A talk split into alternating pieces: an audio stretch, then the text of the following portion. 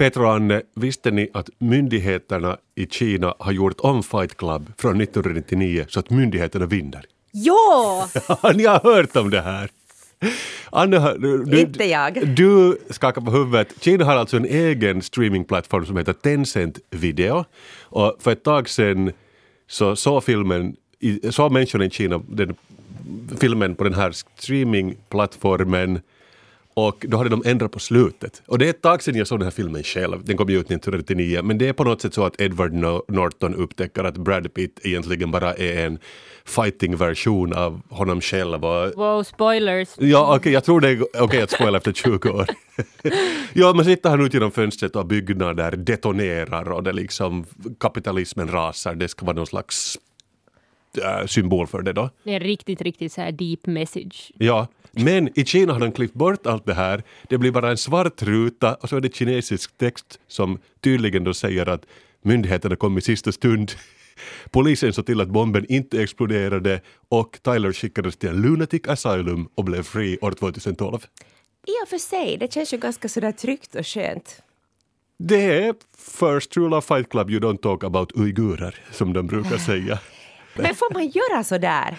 Men det här är just plottvisten som var så intressant, som du inte kanske har hört om Petra, att Chuck Palahniuk som har skrivit Fight Club-novellen, alltså romanen heter det på svenska, han tweetade om det här.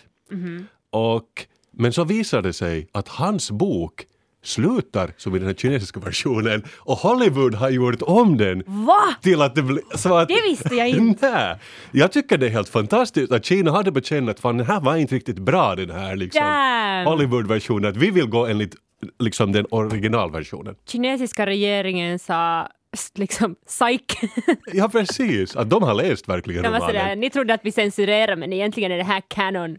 Ja. Alltså, plot twist, det här var otroligt. Men jag började just fundera att vad, vad andra liksom, filmer finns det på Tencent som är Kina-fierade? För jag tänker till exempel på klassiska filmer som Star Wars. Imperiet borde ju vinna där. Jag menar, ni säger rebeller, jag kallar dem terrorister. Luke, Leia, R2D2. Man ser på dem att de, de vill liksom blowa shit up som de gjorde två gånger med dödsstjärnorna. Eller till och med tre. Mm. Jag tänker E.T. De har någon sån barn som släpper loss en äcklig smutsig rymdvarelse. Han borde låsas in E.T. och den borde göra vetenskapliga experiment på honom. Nu är du grym. Alltså, också Forrest Gump. Nu- nu är det- Lägg honom på en specialklass, låt honom inte springa och jogga runt USA.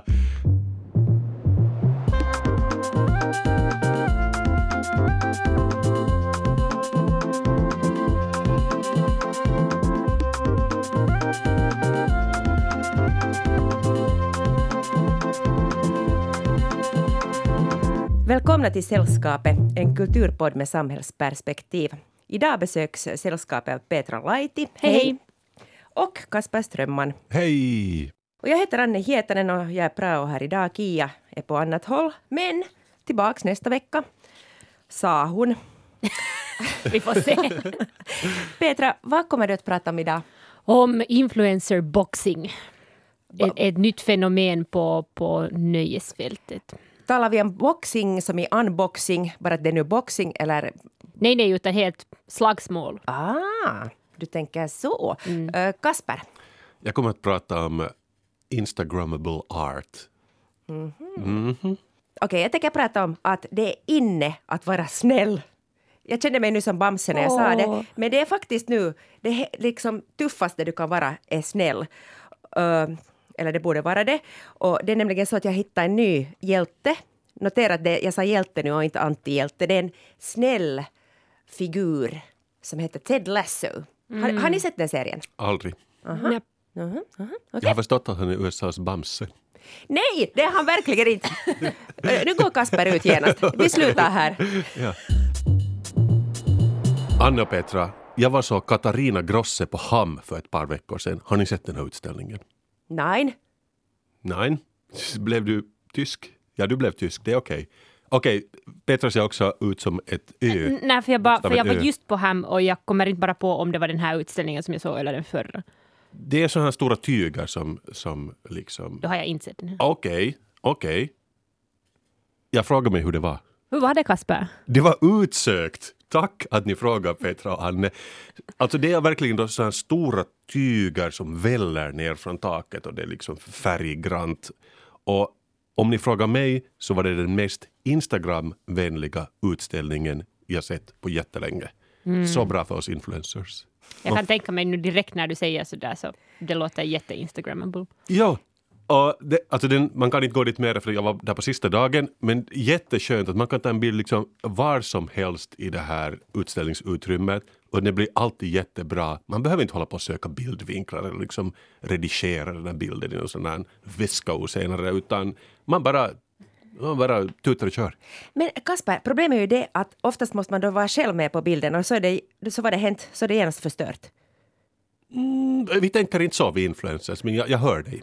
Aha, men tänker du innan du går dit att du googlar de där tygerna, att hur de ser ut och så klär du dig just så att, du, att din klädsel skär sig just passligt med hennes tyger eller tänker du att jag klär mig i såna kåpor och shorpor att jag passar perfekt in? Du har influencer-tänk, för jag tänkte inte så här långt. Jag bara liksom rakt upp och ner gick, gick in dit men att bra idé. Nå, var du med på dem? Tog du selfies eller hur gjorde du? Ja, man ger kameran till någon eller man, man har en assistent. Ja, för jag förstår. Ja, ja, ja, ja. ja. Och eh, jag säger att den är instagrammable, ni tror på mig helt tydligt, men ni ska veta att jag är inte den enda som tänker så här. För Katarina Grosse har haft sådana stora installationer tidigare och 2016 skrev till exempel Architectural Digest om hennes utställning i New York som att det var New NYC's most instagrammable installation. Och då hade hon liksom, eh, det finns ett ställe som heter The Rockaways, Rockaway, en, en strand som är nära New York. Och då fanns där ett gammalt hus som hon hade sprayat sådär ganska snyggt med olika färger. Och det, var, det såg jättebra ut, helt utsökt än igen. Och man kunde gå dit och ta lite bilder. Och jag vet inte vad ni tänker om det här, men vad jag vet är att jag har följt diskussionen åtminstone de senaste fem åren. För att det finns väldigt många människor som tycker att instagrammable art är ett skällsord för tiden. De tycker det är ytligt, de tycker att det förenklar upplevelsen till något platt och tvådimensionellt när det just ofta handlar i installationer om att du ska drabbas av den. Du ska uppleva det, du ska få gå dit och bli immersivt omgiven av dofter och eh, ljus och olika färger och intryck. Mm, jag har tankar om det här. Alltså, Du har tänkt, men ventilera dem. No, för, för å ena sidan så håller jag med. För, för nu är jag också lite trött på den trenden att, att, att just den här liksom interaktiva eh, interaktiv konst har blivit lite som en sån här digital badge på din Facebook-profilbild. Helt enkelt. Att, att du, du visar att ja, jag var också här. Men, men samtidigt så tycker jag nog också att, att, att jag har också haft liksom jättekiva upplevelser med sån konst. Eh, men kanske så är det just att skillnaden är väl kanske sen det att, att, att det finns konst som liksom på något sätt rör dig och, och, och får dig att liksom känna någonting som går att instagramma. Eh, och sen finns det sånt som bara går att instagramma. Alltså jag, jag har själv funderat på det här, just det där som du säger att det är liksom en badge of honor, att jag har varit på den, Ja. den stora nu. Och sen finns det just människor som var, nej men jag såg den på Moderna Museet för ett år sedan, så att jag har bilder från ett år sedan där jag, jag såg liksom, eh, vem det nu kan vara, men den, den, som, den som turnerar för tillfället så att det blir som Det var som den där ena, eh, eh, ena perioden då alla hade på Facebook en bild av sig liksom i- i kiasma med den där liksom superpinka liksom. Vad vad var det ens? Den där... sameoutfiten. Okej, förlåt, okej, Kasper. förlåt, förlåt. Kasper, tillbaks till hörnet. Vem sa att du fick osakligt, prata? Osakligt, ja. Nej, men det var den här isländska konstnären på Kiasma som hade eh, lagt upp den där jätteså här håriga i, i neonfärger. Och sen hade alla tagit foton med, med det, så att alla hade liksom en sån här neonbakgrund. Ja, ja, men det blir som en slags Madame Tussauds. Ja, eller man, hur, eller man hur? vill stå bredvid de här. Och jag vet inte, är det bra eller dåligt? Bra, säger jag. För jag tänker att konst, det bara betyder det att konst är förankrad i samtiden. För det är väl så med allt här i världen att folk går omkring och tar bilder och lägger ut på Instagram. Så då gör de väl det också på utställningar om de tar till exempel bild av sin mat. Varför skulle de inte ta då bild av ett jättefint konstverk som de har sett? Så det är där jag står i den frågan. Men, Och, och, och dessutom har jag bekanta som är konstnärer och de bekräftar ju det här att de når verkligen ut på ett annat sätt än om de har ett galleri eh, där det kommer tio tanter liksom kommer in och, och tittar lite och går ut. Ja, ja, visst. Och alltså det är ju liksom... Det här är den stora paradoxen med social media överhuvudtaget. Visst demokratiserar den ju en massa saker. Visst, visst. Och man kan ju också sådär tjurigt vägra att instagramma konst och som konstnär då, och, och försöka gå den gamla vägen att man får hoppas att någon kanske skriver någon på en kultursida i en papperstidning som är nedlagda för länge sedan och speciellt kultursidan i papperstidningen. Eller att någon sitter och pratar om det i sällskapet. Men good luck with that. men på tal om det att prata i sällskapet, för ett halvt år sedan pratade jag om Ricardo Passaporte och jag hade aldrig hört om honom och jag skulle kanske inte nu på senaste tiden riktigt ha kunnat resa och börja titta på hans verk. Så, och hans konst tycker jag också lämpar sig väldigt bra på Instagram, att det är popkonst. Otroligt fin. Jo, och så tack vare det så har jag nu en ny vän här på Instagram och, och får ta del av hans konst. Och, så, och, och inte säger jag att jag älskar allt, men jag, för mig är konst det där att just känna känslor. Att ibland är jag riktigt upprörd, "Nå, vad är nu det här? Och ibland blir jag lik eld och lågor för det är någonting som är så otroligt. Överlag är det väl så då att, att vi kan väl godkänna att det finns konst som är på Instagram, men det är väl kanske överlag då att jag säger folk och min fördom att det är lite äldre folk som blir kanske lite rasande om det händer nya saker. För jag plöjde igenom ett antal artiklar om det här, eh, för jag plöjde igenom ett ett antal artiklar om det här, att är Instagrammable art dåligt eller inte. Och en artikel pratade om just om Yoko Onos hon gjorde en installation 1964 som Cut Piece där hon bara satt på golvet, fick folk komma in med saxar och klippa av liksom slamsor av hennes kläder. Folk blev ju som tokiga. Så, Trams, vad är det här liksom? Att Oljemålning ska det vara. Och sen, sen är det ju det här med, det händer ju liksom ändå saker hela tiden. Det senaste är det här med NFTs. Non-fungible Ah, tokens. don't get me Ja, started! men just, just det här menar, för folk blir helt ursinniga, helt som du Petra blir nu. Jag la faktiskt själv ut min första NFT här för några veckor sedan. Nej! Ja, folk blev ju som tokiga. Då, Kasper! Ja, exakt, för att ni förstår inte vad som pågår. Ni är lite så sådär, det ska vara oljemålning. Det ska inte vara att, det ska inte vara att årets grafiker 2013 lägger ut sin titel som NFT. Äh, på, vad menar du när du säger att folk blir som tokiga? Alltså har den haft åtgång? Jag, Nej, alltså, ingen har ju köpt den men att folk, jag la ut den på Serves you right. Jag ville ju berä- berätta om det på Instagram för jag är en människa som instagrammar min konst och folk var som Peter sådär "Äh, nej, vad, liksom NFT, vad är det för bullshit? Och jag, jag vet att debatten är het men jag säger Petra, ge det, ge det två år och sen kommer du att... Nej, jag ger dig inte två år. Ja, du kommer att sälja någon jag kommer slags... inte. Ja, Nej. du jobbar inom konsten, du tar emot folks ansökningar. Om fyra år är det bara NFT som gäller dina jag litar ansökningar. på Kaspers Det- linje. det Jag, jag, jag, absolut jag litar på inte Kaspers linje. För att är det bort från något annat, det kan ju fungera Det som... är bort från något annat. Men Men, men det, här, det här proves my point jättemycket, att folk blir helt vansinniga när det kommer något nytt inom konsten och de måste ta ställning till det. Nu, nu är ju inte till exempel Kia här för att försvara sig, men hon är ju verkligen en människa som brinner för att hata rondellkonst. och de har funnits i kanske 20 år. Så att det, det är liksom det, det kommer och går saker och vissa av dem, vissa av dem fastnar och NFT kommer att vara en av dem. Det är inte sant. Köp, köper man dem med bitcoins? Eh, ja, eller med kryptovaluta som det finns tusentals olika bitcoins. Som det eller, inte- eh, kryptovaluta. Som det inte finns någon framtid för. You heard it here. Där tycker vi olika. Men okej, men det här, är en, det här är en debatt som vi kan ta i ett annat avsnitt. Jag, jag har inte kommit hit för att prata om NFTs, which are great by the way. Vi, vi glömmer det här för en stund. Eh, vi toleranta kulturmänniskor kan ta den här diskussionen senare. Men jag hade funderat att, att om det verkligen då finns människor som drar gränsen då till och med vid Instagram, då går det inte så långt som till NFT. Så jag har kommit, försökt komma på lite exempel hur vi kan ta konsten vidare post Instagram art, post NFTs. Lyssna på det här. Jag har, jag har, jag har en, en handfull exempel åt er. 1. TikTokable art. Det här är konst som bara kan uttryckas med hjälp av en TikTok. Performance, men på TikTok. Det tyckte du om Petra? Nej, alltså jag mm, tänker mig så här att det här är väl det som de håller på med anyway. Ja, eller de kallar det inte för konst. Men jag tänker att Äh. det måste komma någon som claimar att den här lilla dansen jag gör nu på TikTok, det är på riktigt konst. Det är en performance, det ska man väl säga, om, om det är konstkontext. Och då, liksom en konstnär som fungerar bara 100% på TikTok. Det finns väl inte ännu va? Kanske, det måste ju finnas. Men vi har inte hört Säkert, säkert finns det. Säkert finns det. Okej, jag vill ha tummen upp eller ner av er.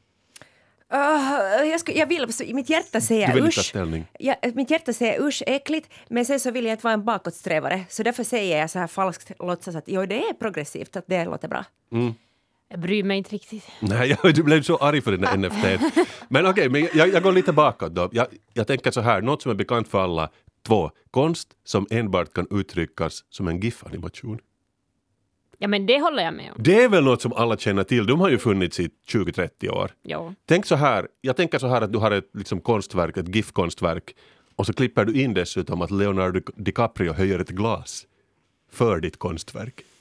Jag tänker vi jobbar med Det var inte som jag tänkte. Jo, jag tänker så här att du har ett konstverk, så ser Homer Simpson ett konstverk, så backar han långsamt in i en häck.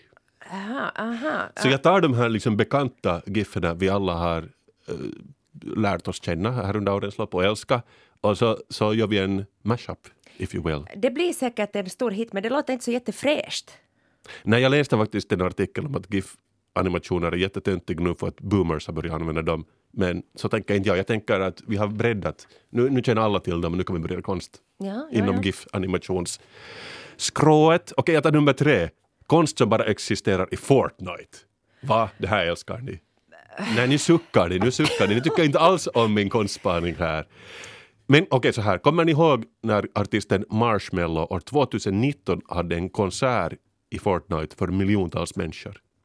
Det var en sak som hände faktiskt. Det var en sak som hände. Spelet finns ännu. Nu är det dags för konstscenen att liksom göra entré i spelet Fortnite som jag aldrig har spelat men jag tycker om att prata om saker jag inte vet mycket om, som NFTs. Men det här är, jag tycker det är ju här konsten ska vara, På Fortnite. på Fortnite. Nej. Utan vidare. Nej. Nej, nej. Alltså, men för mig, för mig handlar det här om samma sak som att jobba på distans, helt enkelt. Eh, det går att jobba på distans, det går att ha möten på Teams, men det är inte samma sak som att ha möten face to face. Och det är inte lika, man får inte ut av det samma saker som man får ut av det när man är, sitter i samma rum med folk. Så jag tycker det är likadant med konst, att visst går det att uppleva konst digitalt, men jag får inte lika mycket ut av det om jag inte upplever det så att jag ser det min, liksom, som om jag inte är i samma rum Så då älskar du inte bättre min fjärde idé, LinkedIn-konst. Konst som enbart existerar på LinkedIn, som har 294 miljoner unika användare i världen. Och Ju- ingen känner någon av dem. Det är ju där som den, som den liksom äh, täta publiken är. Folk med pengarna. De sitter på LinkedIn och bara väntar på att någon ska göra en konstnärlig karriär på LinkedIn. Jag vågar påstå att hela LinkedIn är ett liksom konstverk. Lyssna på det här, CV i form av en haiku. Det går att göra. Och då får, man också mycket, då får man också mycket jobb. Ja, det är det jag säger. Okej, så jag fick en tummen upp för alla mina fyra Nej, idéer. vi är in på det där Petras linje. Att, tänk om det skulle kunna visa sig nu att om, om en vecka så kommer man ut och berätta att det här LinkedIn, att det har varit en performance-installation. Jag tycker det skulle vara mer tro, trovärdigt än allt det som folk skriver på LinkedIn. Exakt! Och det skulle på något sätt göra att, att världen skulle kännas okej igen. Ja. Full disclosure, jag är inte på LinkedIn. Men ni vet, äh, vad jag egentligen försöker säga är att jag tror på det digitala, jag tror på att äh, det är ändå, äh, vare sig vi vill eller inte, så det är ju där. Saker och ting kommer att hända i framtiden mer och mer. Och jag tycker också att det är en ganska självklar grej att folk blir arga på nya saker som de inte förstår. Det har något med artens överlevnad att göra. Det är naturligt. Man åt en sån här bär som fick tungan att svälla så åt man inte till. Det är väl så ungefär det handlar om med den här digitala konsten. Jag var på en, på en Katarina Grossa-utställning i Helsingfors. Jag såg hennes utställning och då frågar man hur ser Queen of Instagrammable Arts egen Instagram ut? Och lite mindre än jag hade förväntat mig, 68k följare. Så helt skapligt. Not terrible, not great. Nej, just det. Men vad jag tycker, är- vad som är ännu viktigare än själva följarsiffran hon hade, är kommentarerna som man ju då inte får i en gammaldags dagstidning eller på Sällskapet podden. För lyssna på det här. Julia Roman Art säger maravilloso om hennes konst. Jag tror det betyder marvelous. Maravilloso. Ja. Jordana Fraga understreck ID säger magnifico. Vilket jag tror betyder magnifikt. Och jag vet att det här låter jättemycket som Picassos äventyr nu att säga maravilloso och magnifico för, för konst. Men sen kommer Frans Probster Kunster slidar in på, på Katarina Grosses Instagram och säger wunderbare Farblandschaft.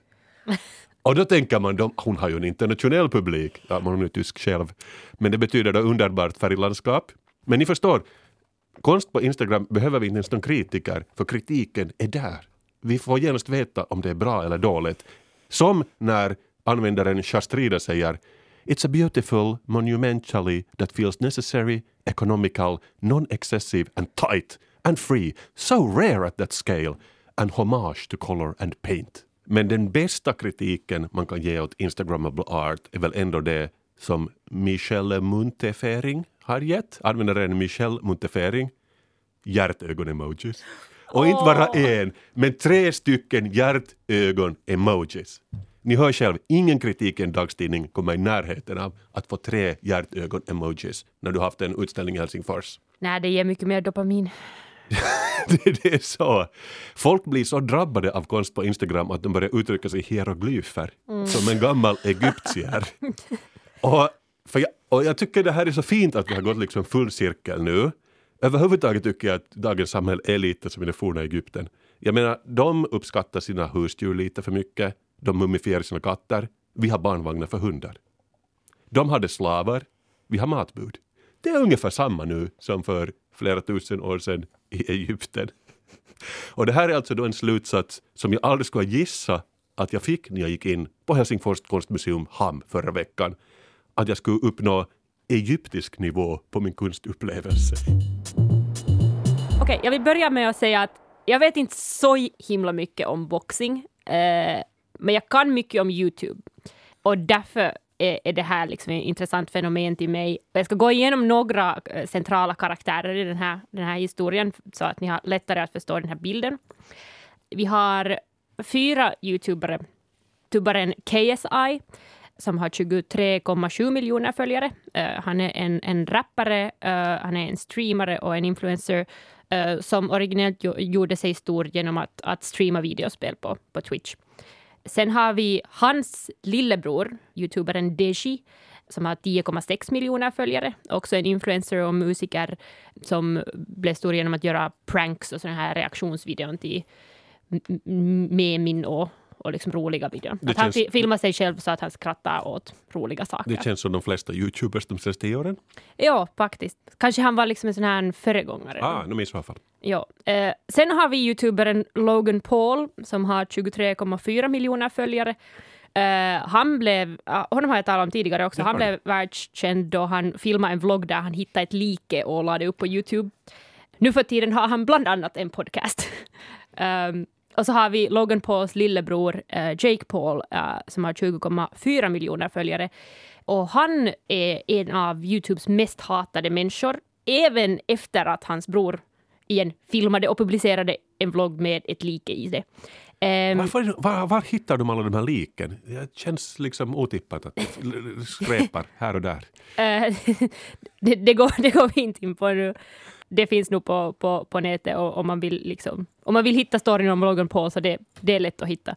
Eh, men Jake Paul, hans lillebror, alltså är en, en bedragare eh, som har festat sin väg genom covid eh, och som också anklagas för sexuella övergrepp och våld eh, mot åtminstone en flicka som kommit fram. Så riktigt sådana här high society-människor eh, rör vi oss igenom. Eh, men dessa fyra män som, som för mig åtminstone på många sätt är Youtubes liksom förkroppsligande bild av toxisk maskulinitet eh, bestämde sig att gå in i boxingringen eh, och testa om det skulle kunna göra lite cash. Och, och det här hände då 2018, eh, den här första, första matchen. Och det var så att den här KSI, den här första youtuberen som jag nämnde, han hade varit och boxat. Och så Eh, enligt den här boxingkultur så gjorde han då, efter att han hade vunnit, så gjorde han en liksom här offentlig call-out eh, i ringen och han då utmanade eh, bröderna Paul till att möta honom i, i ringen. Eh, och, och det accepterade. Eh, och, och sen blev det lite justerande att vem skulle fightas med vem. Och så passade så här att, att KSI och Logan Paul skulle fightas med varandra, alltså de här stora brorsorna. Och sen lillebrorsorna Deji och Jake Paul skulle fightas med varandra. Och det här var då en sån här två mot två, eh, eller nej, utan eh, en mot en och en mot en, två matcher eh, som de hade. Det är så intressant. Men alltså fråga, är de här alls sportsmän från början eller är de bara instagrammare? Eh, alltså då i början så, så nej, alltså inte var det... Eh, nu hade de ju liksom sån här, sån här stereotypisk amerikansk liksom workout, liksom uvr, ska vi säga. Eh, men att, att men det betyder inte alls att man kan boxa? Nej, inte alls. Inte överhuvudtaget. Och kanske den här KSI eh, som började med den här boxningen, så kanske han hade liksom mer av en sån här rykte att... Eh, för KSI och Deshi är från Storbritannien, eh, så de liksom hade det som hobby anyway. Men jag, jag funderar just samma som Anne funderar, just du har någon McGregor som har kanske vikt sitt liv åt det, men det här, de här mm. känns som lönfeta youtubers. ja exakt, exakt. Det, här, det kändes definitivt då 2018 när det här började så tänkte ju alla att det här är ett skämt helt enkelt. Um, men att, att det ska bli underhållande. Att, att det finns liksom underhållningsvärde i det här. Um, men sen så det som, det som hände så tror jag inte att någon skulle kanske ha, ha förväntat sig. Det här evenemanget då eh, KSI mot Logan Paul och, och Deshi mot Jake Paul, det blev marknadsfört som, eh, och det här är då eh, direkt quote, the biggest internet event in history.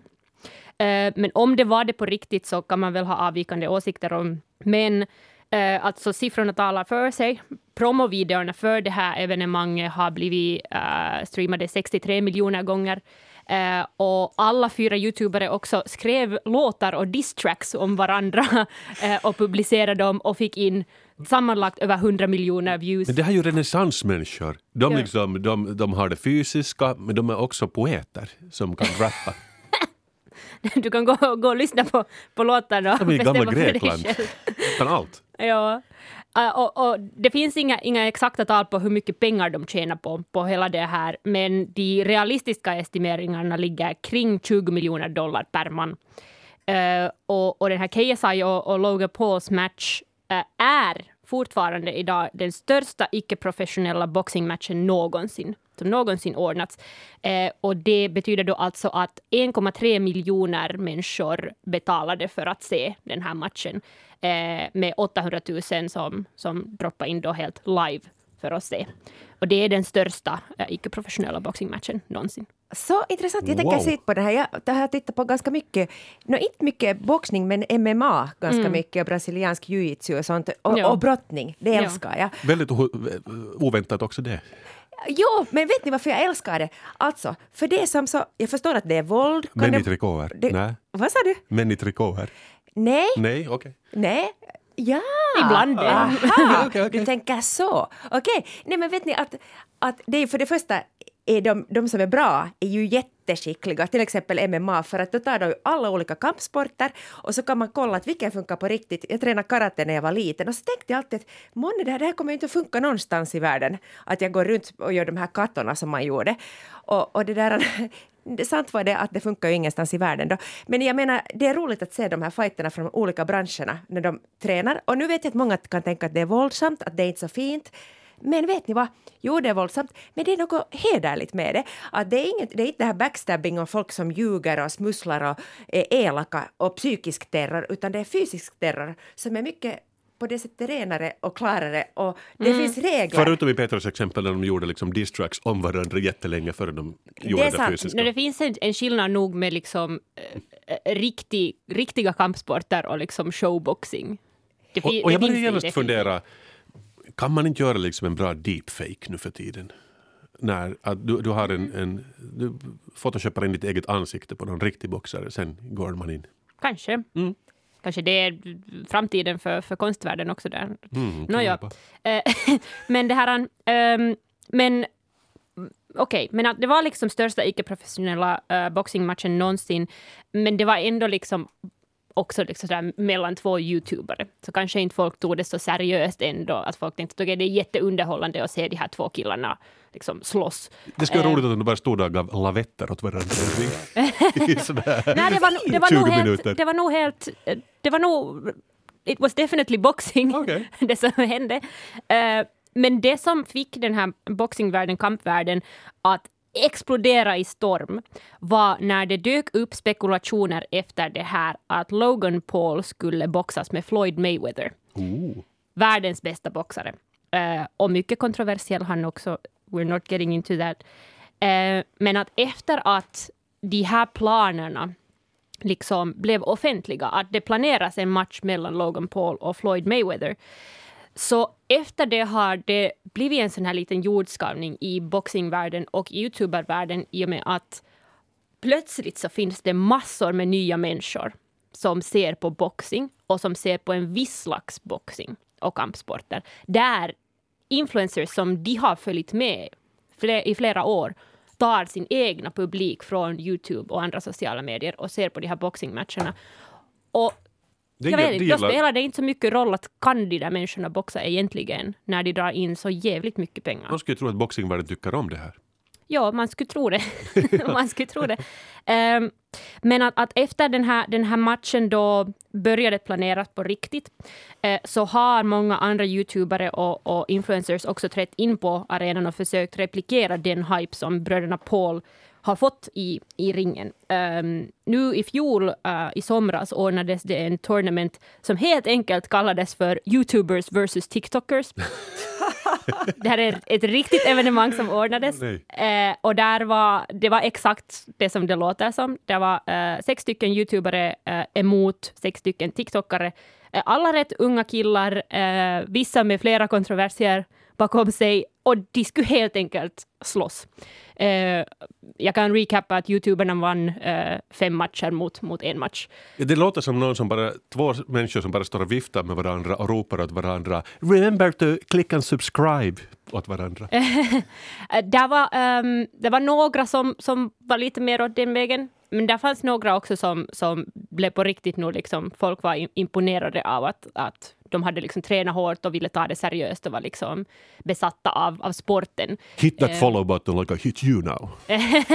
Men att, att visst är det lite sådär hit and miss att, att om det finns liksom mycket pengar och, och publik lovat så då går man ju in. Liksom att om man kommer från den här världen så då liksom ser man att, att det, det spelar ingen roll om man förlorar. Det är ändå liksom en vinst att få den publiken. Eh, så det är kanske också alltid då en, en positiv överraskning åt folk som på riktigt är intresserade av sporten att det finns influencers som lägger in arbete på det här. Eh, och, och det var ett par, som, ett par namn som dök upp i, i den matchen också, så liksom otroligt dumt som det, som det låter. Eh, och, och Logan Paul faktiskt boxade med Floyd Mayweather um, på riktigt nu i fjol uh, och en miljon människor följde med den här matchen.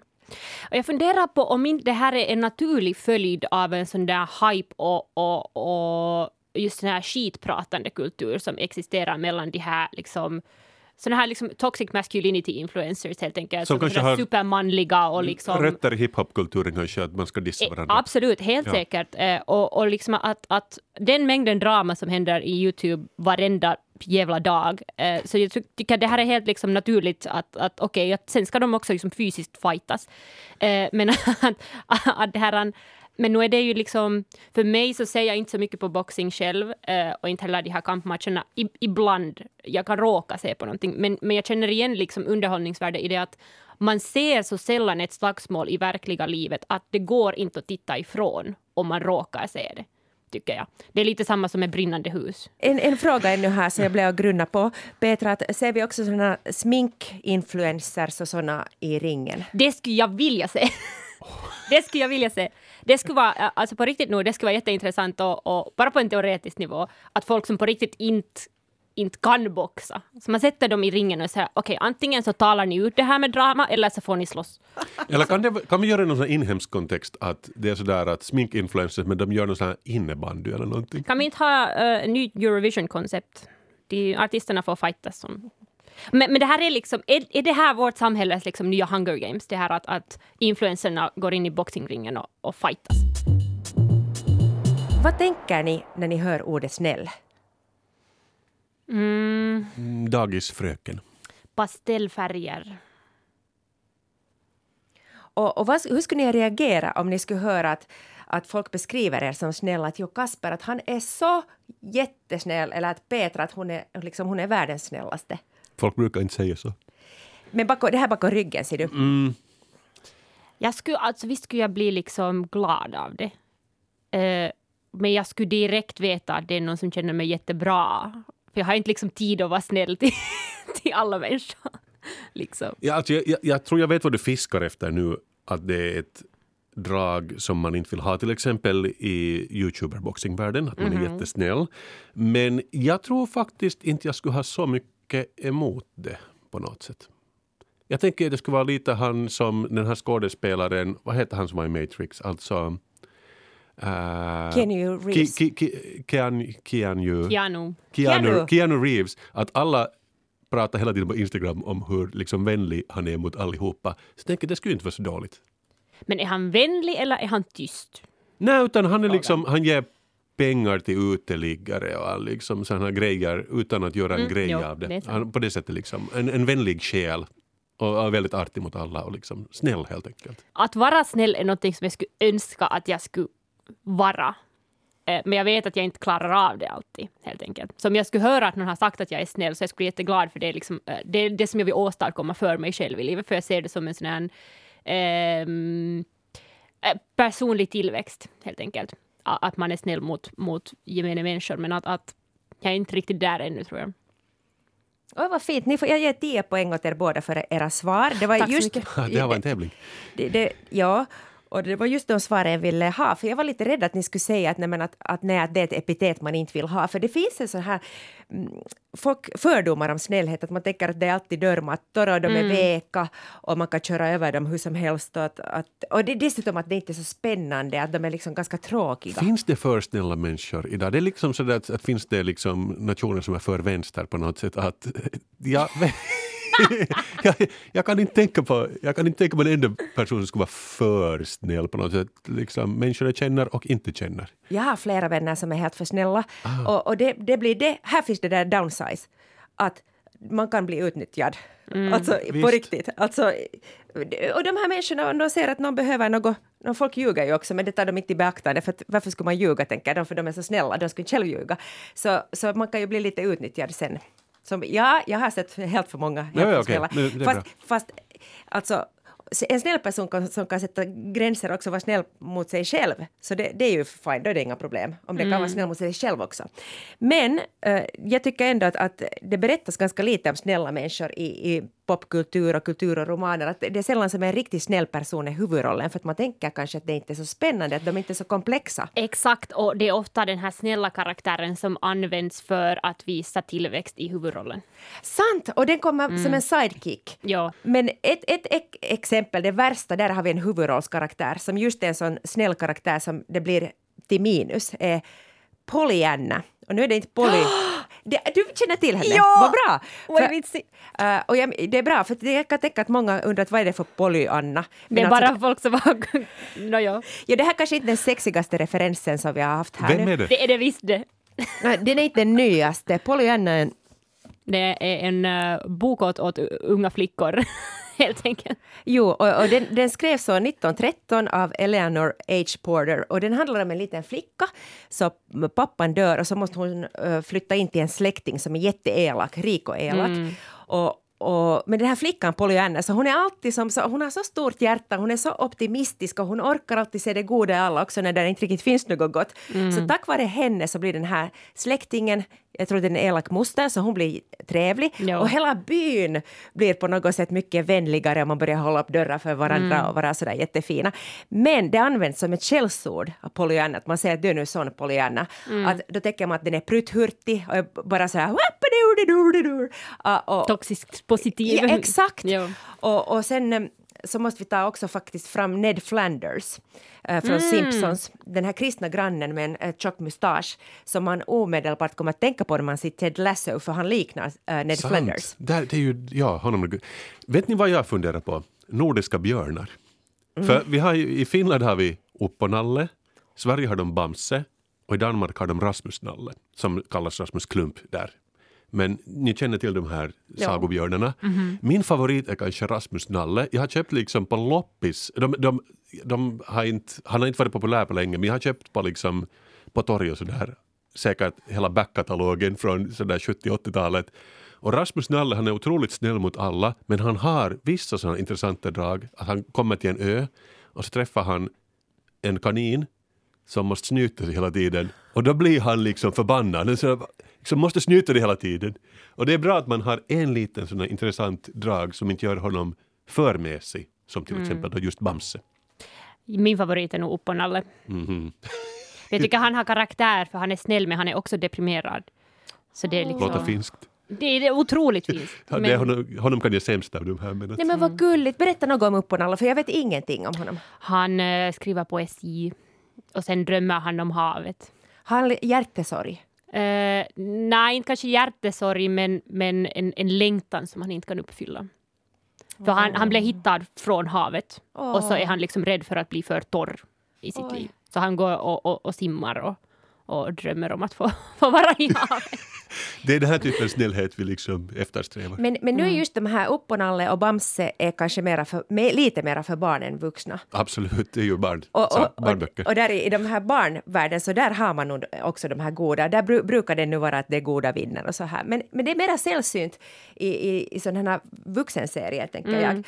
Att om jag berättar lite om Ted Lasso-serien så den har kanske lite hamnat, hamnat i skymundan för att den är på Apple TV som inte är en så jättebra streamingplattform tycker jag. Den har ganska få serier och så tycker jag den är lite, den är inte så användarvänlig helt enkelt. Att du måste klicka två gånger för mycket för att komma till din serie tycker jag. det, här är, det här är 2020-talet. Välkommen, du kommer att trivas här. Ja. men sen är det ännu det att, att den handlar då som sagt om brittisk fotboll och det är nu inte, man är antingen intresserad av det eller inte och jag är inte intresserad av det så jag har som så, hade så starkt motstånd mot att öppna den här serien. Jag tänkte att usch, att jag vill inte se på det här om fotboll. Men som sagt, det är bara en liten kuliss.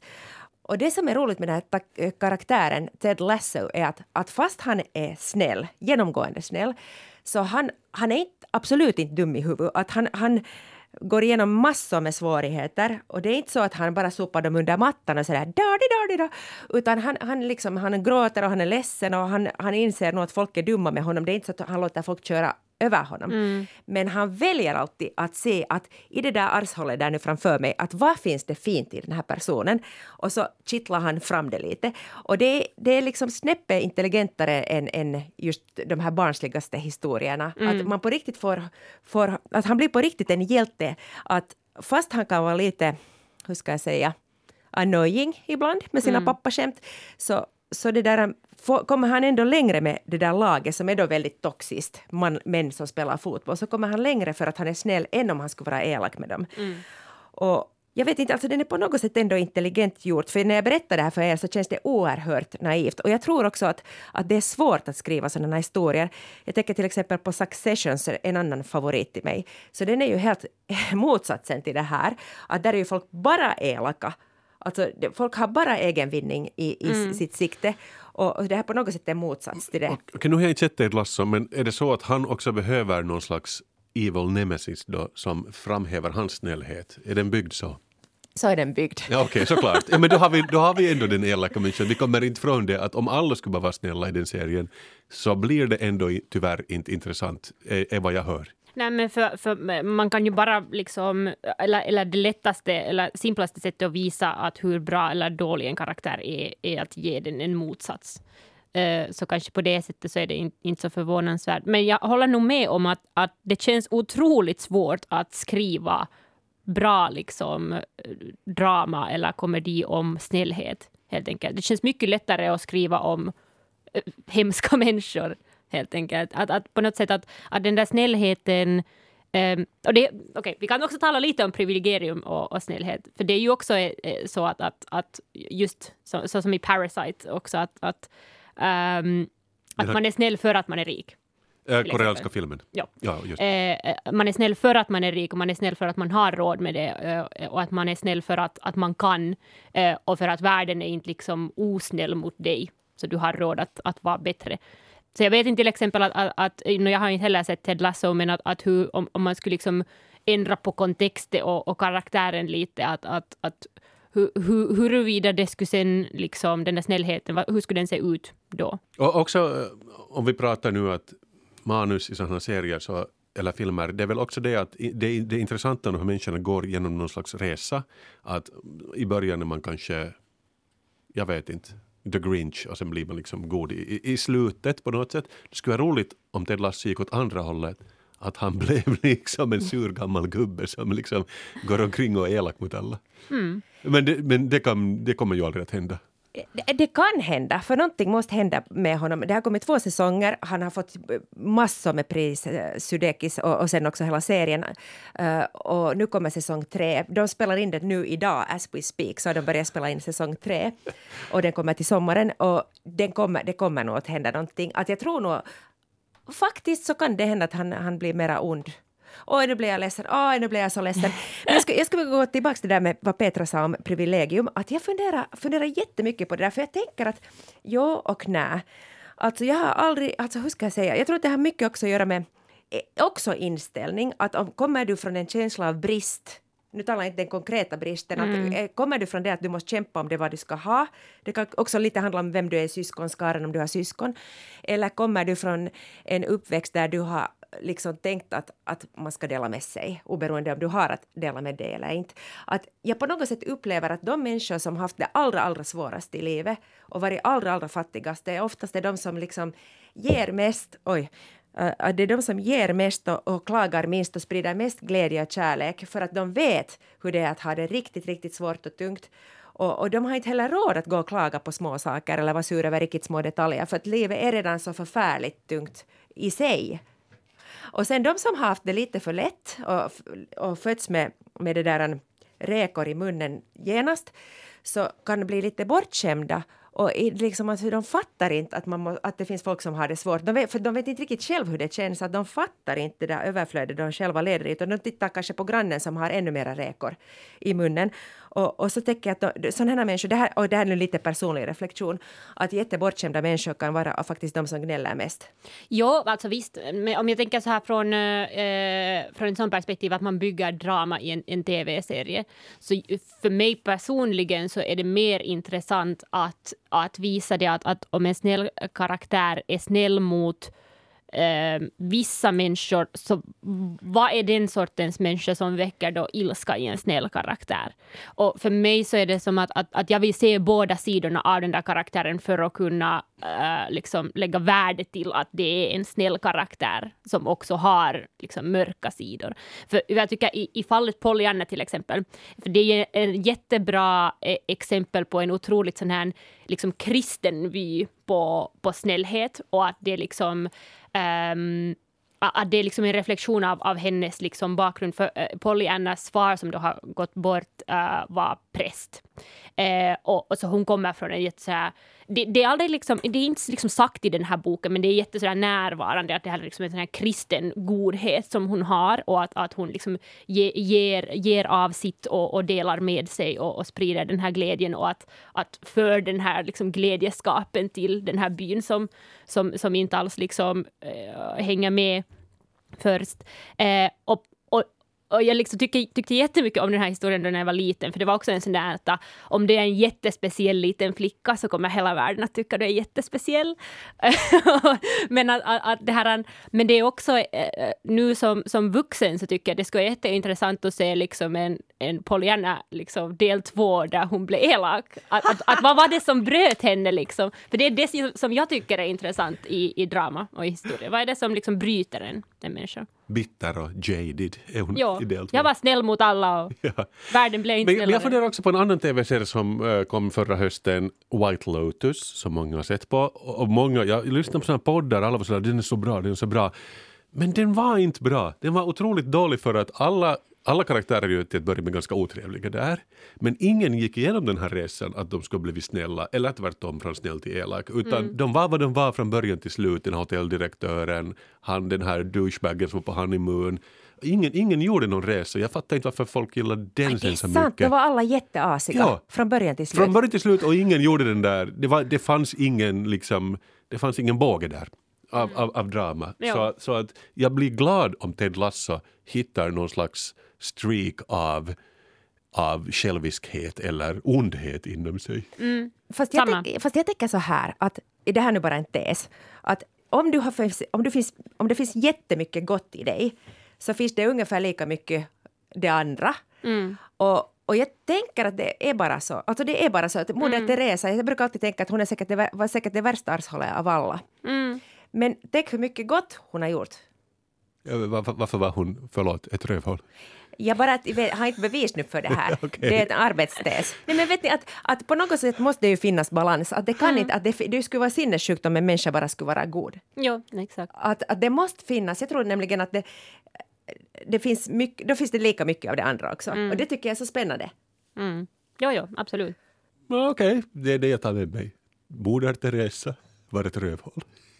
Jag är helt säker på vet ni, att hon privat satt och rökte och pratade illa om alla. Nå, nu tänker ni alla sådär, att, "Nå, men hur blir man som en Ted Lasso? Och jag har några korta exempel till er att hur, hur ni kan nu bli då Ted Lasso. Odla mustasch, ett. Krux, och, och, och om du inte vill ha mustasch, så ha något som är lite sådär överdimensionerat, lite för mycket i ansiktet. Det kan också vara en hatt med bröst på. Nå, Någonting bara som är liksom lite sådär annorlunda. Baka Scottish butter cookies. Det är ju Ted Sure. Lasso. Och, och jag blev nu jättesugen att, att jag har ätit nu varje dag säkert ett kilo av det. För att jag, när jag tittar på den här serien så blir jag så sugen på det. Han, han bakar det och så ger han det till hemska människor och de blir trevligare. Och det är också väldigt gott att äta det här bakverket. Det är liksom ändå 90 procent smör. Hur kan man inte gilla det? Uh, sen kan man odla sån här väldigt selektiv hörsel som, som hundar, att de hör ju bara man säger mat. Så om en hel stadium ropar wanker åt dig så kan du tänka att det är kanske ett bra ord. Att, att man behöver inte riktigt ta åt sig, det är ju de som ropar, vad har det med det att göra? Uh, sen så, det allra viktigaste, så det är att lära sig väldigt många pappaskämt, eller så här Göteborgsskämt. Och, och det är nämligen så att de är lätta att förstå. Det krävs ingen liksom att man måste tänka. Alla blir inkluderade. Och de flesta kanske inte tycker att det är så roligt, men de skrattar då åt den som berättar det. Och gör ingen skillnad på att om folk skrattar med dig eller åt dig, huvudsaken att folk skrattar. Jag tror kanske slutsatsen till det här är att snällhet kräver en viss grad av oskyldighet. Kanske. Alltså blir man sån en Forrest Gump-karaktär då? Nej, det inte behöver det betyda det heller, men att, att, ehm, men att, att, att det kräver ju en viss slags sån här att, att man, man litar på sina medmänniskor och ha, har förtroende i, i världen och att ja. Och att folk inte har då kanske utnyttjat en. Och det gör de nog. Okej, i Och med det slutar vi här. Bra. Ni hörde det i sällskapet. Folk kommer att utnyttja er och ni ska ha en fånig på er. Vet inte, men Ted Lasso visar att det är coolt och om man blir framgångsrik om man är snäll. Tack för sällskapet. Tack Petra Laiti. Tack, tack. Tack Kasper Strömman Ja, och tack, tack. till alla som är med ännu fortfarande. Det vet vi inte om någon lyssnar så här långt. Eh, vi är tillbaks nästa vecka, eller Kia är tillbaks med gäster. Så sa hon åtminstone medan hon så lurifaxig ut. och, och ifall ni har kommentarer så skriv gärna till sällskapet yle.fi. Tack och hej! Hej då! Hej då! Alltså det är bara så att Moder Teresa, jag brukar alltid tänka att hon är säkert det, var säkert det värsta arshållet av alla.